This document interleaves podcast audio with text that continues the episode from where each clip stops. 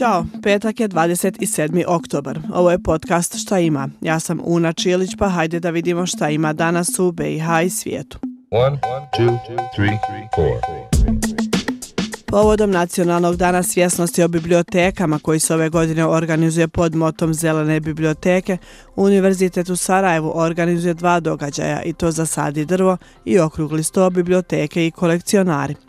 Događaj za sadi drvo, odnosno radionica i predavanje, bit će održani na Fakultetu za kriminalistiku i sigurnosne studije sa početkom u 10 sati. A tokom dana Simon Vojt, direktorica Geta instituta BiH i Nadina Grebović-Lendo, direktorica biblioteke Univerziteta Sarajevo, zasadit će drvo kako bi poslale poruku da je priroda jednako važna za sve i da smo svi odgovorni za prirodu.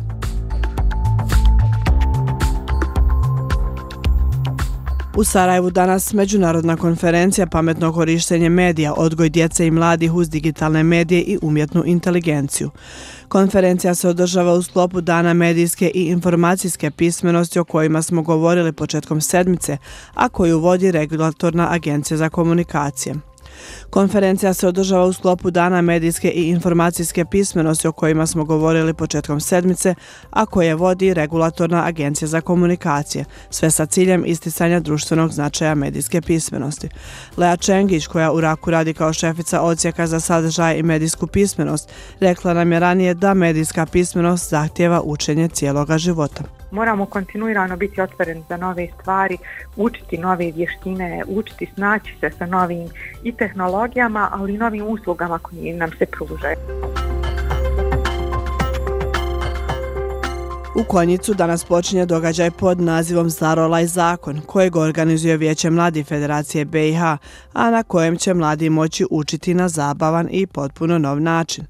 Događaj se odvija u okviru projekta Mladi na potezu, koji je fokusiran na promociju prava i obaveza mladih predviđenim zakonom o mladima Federacije, a sve sa fokusom na omladinsko organizovanje. Tokom projekta kreirana je i društvena igra pod nazivom Vječko, a koja ima za cilj educiranje mladih o zakonu o mladima Federacije BiH, te približavanje značaja omladinskog organizovanja kao i kvalitetnih omladinskih politika. I jedna napomena, ne zaboravite da u nedelju završava ljetno računanje vremena i da se satovi pomjeraju sat unazad. Svake godine zadnjeg vikenda u oktobru u noći između subote i nedelje kazaljka se pomjera sa 3 na 2 sata. Pomjerite samo one stare satove u kući jer će oni na vašim telefonima da se automatski pomjere.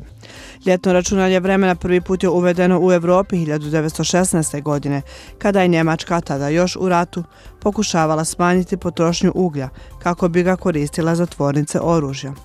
No danas zemlje postepeno odustaju od pomjeranja, a čak je i na nivou Evropske unije 2019. godine održano glasanje o ukidanju pomjeranja sata. Međutim, odluka nikada nije usvojena. One, two, three, To je ukratko od mene za danas. Sretan ostatak dana. Čujemo se neki drugi put. Ćao.